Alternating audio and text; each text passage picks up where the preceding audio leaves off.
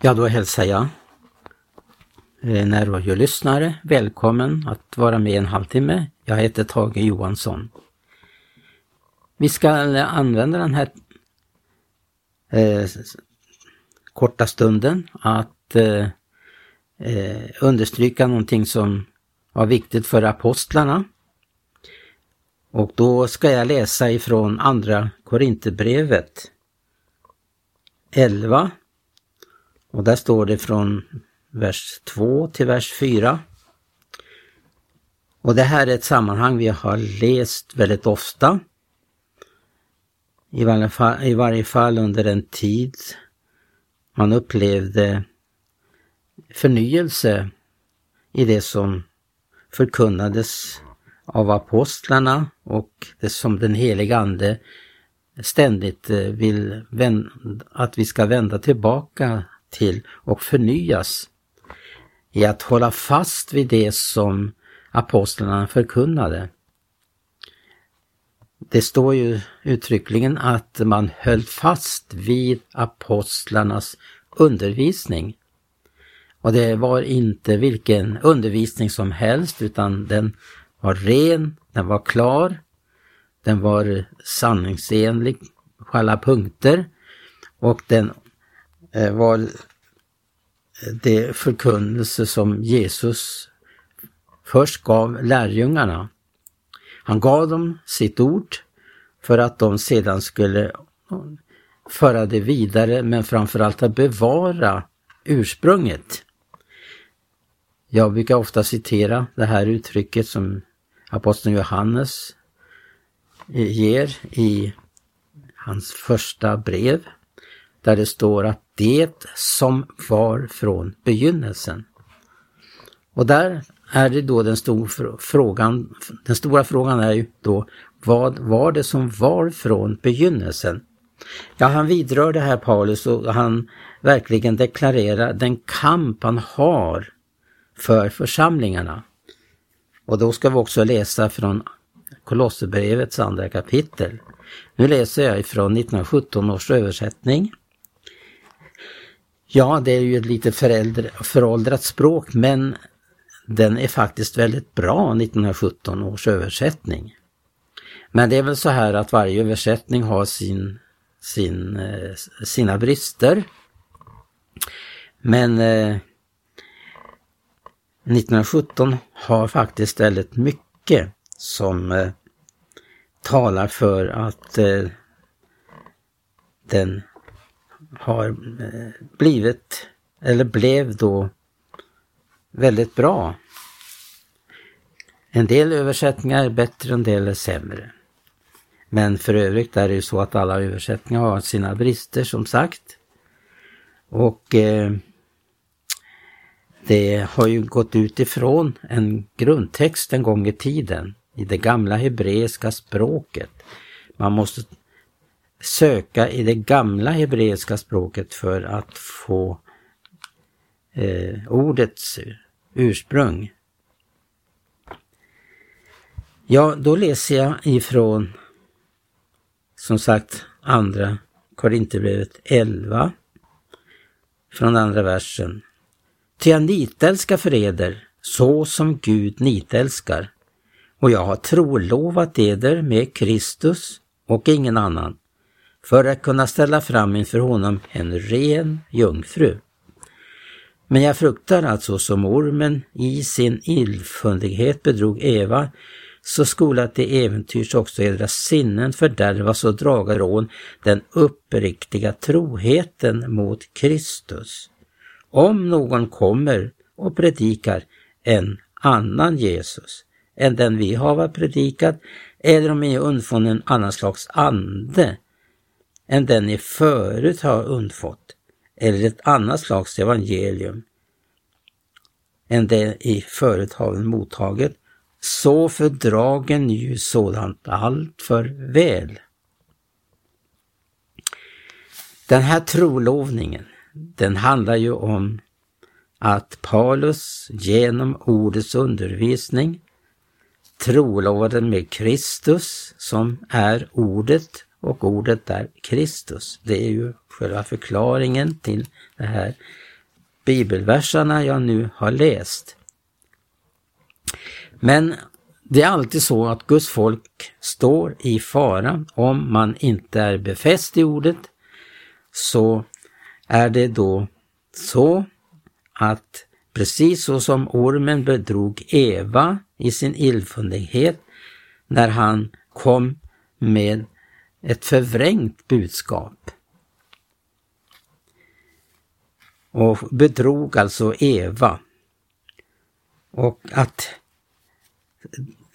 sinnet kan bli fördärvat på det viset att man inte håller fast och förnyas i vad de heliga skrifterna lär. Så är man är i farozonen. Och det var Eva. Hon var i farozonen och förlorade troheten mot vad Gud hade sagt. Det var ju att bryta någonting mot vad Gud hade sagt som eh, åstadkom ett syndafall. Så är det också, och så är det alltjämt, att när man bryter mot Guds ord så har man dragits bort ifrån den uppriktiga troheten mot Kristus.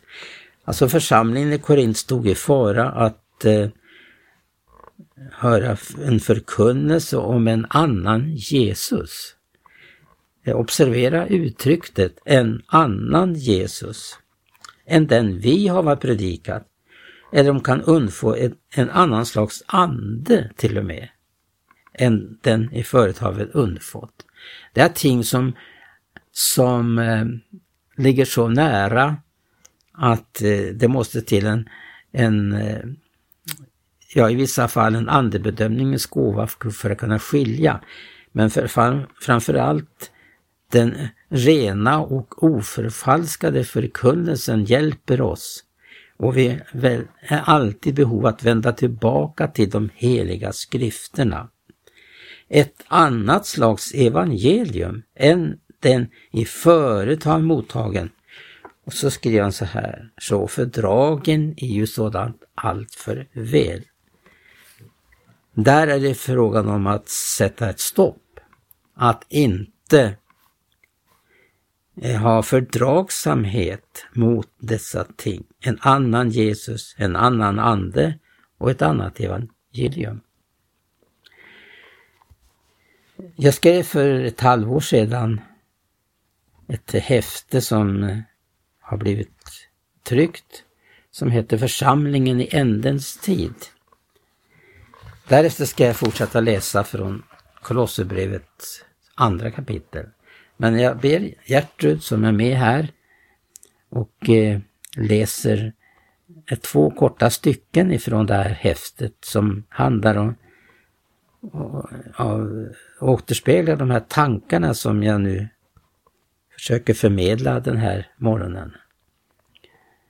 Och då handlar det om församlingen i det, i det historiska perspektivet. Att förstå vad det innebar då apost eh, att, att efter apostolisk tid kom att mer och mer komma bort ifrån det som apostlarna förkunnade. Men du kan läsa det här eh, delen av ett kapitel och även ett annat som handlar om då det är frågan om tillkommelsen. Församlingen inför Jesu tillkommelse. Du kan läsa det här. Ja, vi läser. Under apostlarnas tid var man angelägen om att församlingen skulle byggas upp efter den mönsterbild Gud hade visat dem. På samma sätt som Mose fick befallning på berget. Det heter Se till att du gör allt efter den mönsterbild som har blivit dig visad på berget. Efter apostlarnas tid upplöstes allt mer och mer av det som blev upprättat den första tiden. Under den tid då endast Johannes var kvar får vi det vittnesbördet i sändebreven som Johannes förmedlade, hur avfallet redan vid den tiden gått långt i de flesta församlingarna. Någon har sagt så här att utvecklingen var den att den första generationen för, förvärvade vad den heliga uppenbarelsen hade visat de första lärjungarna om den levande Gudens församling. Nästa generation fick ärva detta och den tredje fördärvade vad de tidigare hade tagit emot. Gud har för den skull inte upphört att verka. Han har varit begränsad till enskilda redskap genom tiderna. Emellanåt har man velat närma sig en församling är utifrån det ljus man har haft. Tydligt är att i varje väckelse har ett steg tagits närmare det som var från begynnelsen. Gud har välsignat när man har rört sig i rätt riktning. Det är ju så att antingen rör man sig mot eller från vad ordet lär. Ibland har det inneburit ett martyrium i kampen att återta en biblisk sanning. Vi kan bara som exempel se på anabaptisterna och döparväckelsen med flera. Man kan tydligt se hur varje väckelserörelse har bidragit till ett närmande av ursprungsbilden av en biblisk församling. Varje gång ett nytt steg har tagits har Gud tagit ut ett nytt folk som varit, har varit frikopplat från tidigare generationers upplevelser oavsett brister eller förtjänster. Man måste lära av historien för att inte återupprepa den.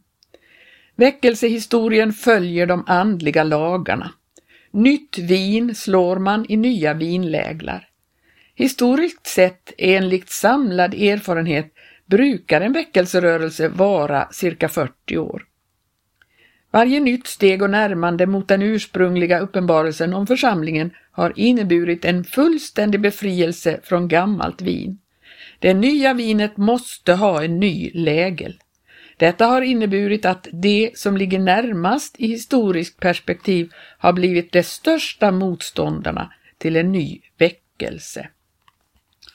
Så långt det stycket. Nu ska vi läsa också ett stycke som heter Församlingens funktion inför Jesu tillkommelse. Det finns flera olika sidor av församlingens livsfunktioner. Förutom kampen för att hålla sig obesmittad av världen, förbli trogen sin ställning gentemot sin trolovade brudgum och att vara en ren jungfru, så finns också detta att leva i förnyelsen av den första kärleken. Detta kunde man tydligt se på hur och på vilket sätt de kom tillsammans. Man kan samlas till förbättring eller till försämring. Församlingen liknas ju vid en kropp. Därför var man angelägen att alla var, var församlade med varandra. Om det finns ett andligt övertryck får alla lemmarna del av den andliga förnyelsen. Man måste vara medveten om de andliga lagarna som råder i Guds rike, så att när en lem lider så lider alla med den. Om detta inte står klart för oss kan det gå som det gick i Korintierförsamlingen under den första tiden. Där fanns det det som inte skilde på Herrens måltid och annan måltid och därför var många svaga och sjuka och en del hade dött en för tidig död. Ämbetena i församlingen är att likna vid hjärtat i kroppen. Är hjärtat friskt och starkt pulserar det liv och kraft till hela kroppen. En frisk kropp har ett immunförsvar. En kär väckelsepredikant sa något i ett stort möte i USA för länge sedan. Han räckte ut sin hand över åhörarna och sa Varför är det så ljumt här nere? Jo, det ska jag tala om för er vad det beror på. Och så vände han sig om och pekade på dem som satt på plattformen, ett antal predikanter. Det är därför att det är så ljumt här uppe. Hur ska man kunna bevaras brinnande i denna sena midnattstid då sömnaktigheten, ljumheten och apatin breder ut sig?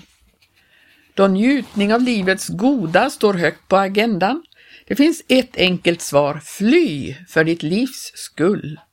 Det heter sedan gammalt att umgås man med ljumma kristna så blir man själv ljum.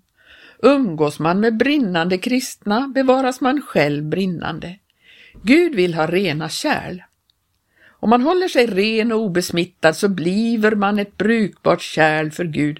Varför det är så tyst om Jesu tillkommelse i vår tid beror på att det budskapet passar inte in i en ljum miljö. Att tala om uppbrott och uttåg, vilket är förknippat med förberedelsen för hans ankomst, är för oroande för den som har anpassat sig i sin ljumma tillvaro. Det behövs ett nytt församlande i denna tid. Det behövs en skara som är beredd att gå utanför lägret och bära hans smälek. I Sardesförsamlingen var det så illa ställt att det fanns bara några få som inte hade fläckat sina kläder och de skulle få vandra med Jesus i vita kläder till de var värdiga därtill. Det är en viktig och avgörande styrka i ett sådant församlande som skedde på apostlarnas tid, som vi ser i den första församlingen. Det är väldigt viktigt att skilja på ett mänskligt samlande och när Gud samlar. Det som var samlade på övre salen var handplockade av Jesus och var samlade på helig grund. De kunde instämma med psalm 110 och 3. Villigt kommer ditt folk när du samlar din här. I helig skrud kommer din unga skara inför dig som daggen kommer ur morgonrodnadens sköte. Man hör ofta i denna tid att man talar om att man ska starta en församling, vilket är helt obibliskt. På samma sätt som pånyttfödelsen sker så föds också församlingen fram.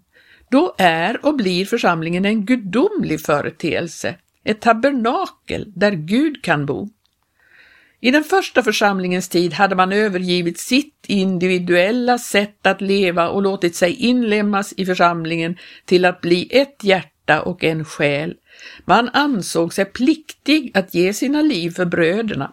Man hade Jesus stora föredöme, han som gav allt för oss. Mina älskade, skriver Johannes, om Gud så har älskat oss, då är vi pliktiga att älska varandra. Vidare skriver Johannes att om vi säger att vi förblir i honom är vi också pliktiga att själv vandra som han vandrade.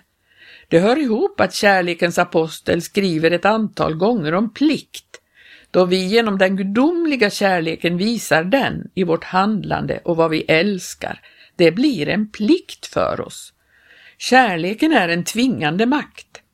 Kärleken tvingade Gud att sända sin son för vår skull. Jesus kom för kärlekens skull och Paulus blev för kärlekens skull tvingad till sin gärning.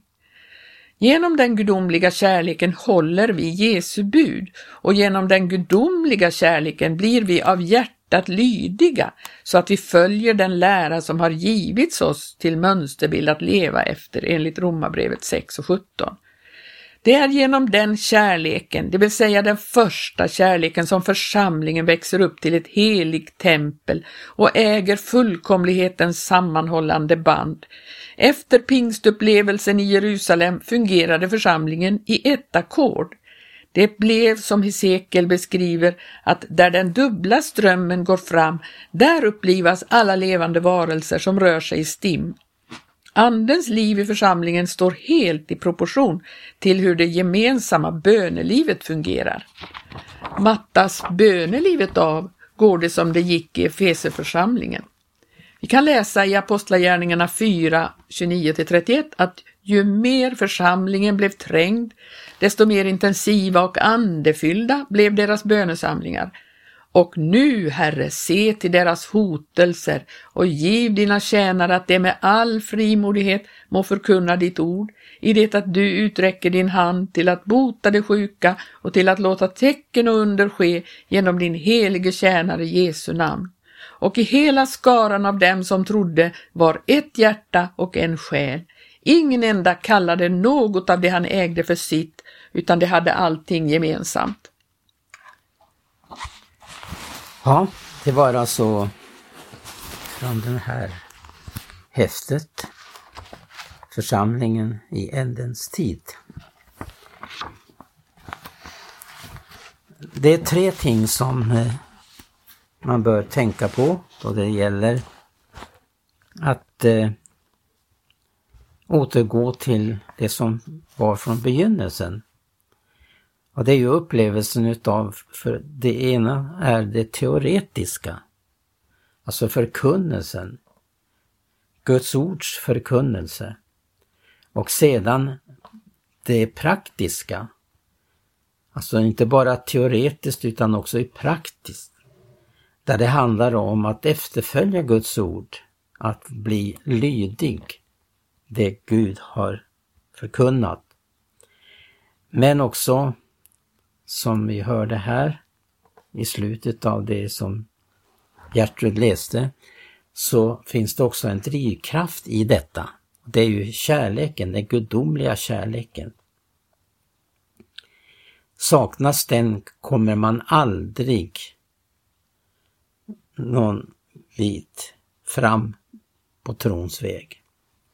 Men när vi läser om Hebreerbrevets troshjältar i, i kapitel 11 så fanns det ingenting som kunde hålla dessa tillbaka i svårigheter och förföljelse.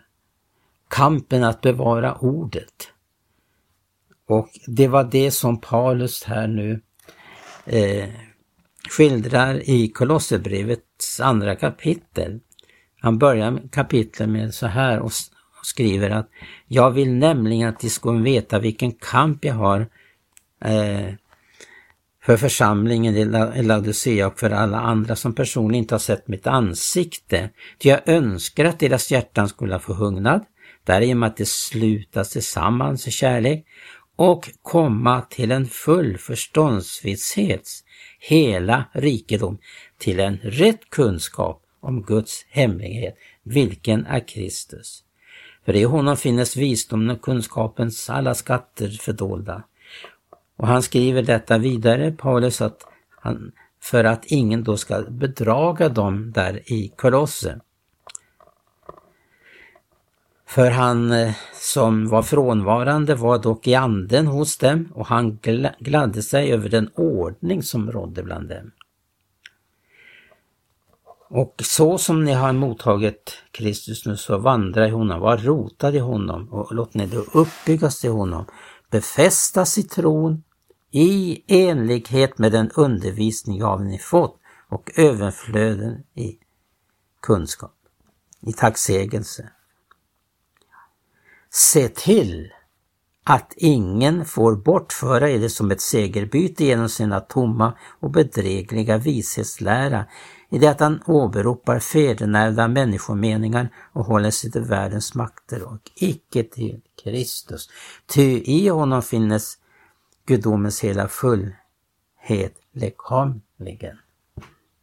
Här skildrar Paulus den kamp han hade för församlingarna för att växa in i Kristi fullhet i frågan om eh, gudomlig kraft, i frågan om ett trons visshet, att komma fram till den fulla förståndsvisshetens hela rikedom och att få leva ut detta liv här i tiden medan vi väntar på vårt saligas hopp, vår förlossning, att en dag ska vi förenas med Kristus. Alla de som har varit honom trogna skall få också möta honom en dag. Gud välsigne dig som har lyssnat på några tankar som jag velat förmedla i den här morgonen och till att sporra att bli en trogen bibelläsare. Träng in i ordet så att ordet också får tränga in i dig. Gud välsigne dig. I Jesu namn. Amen.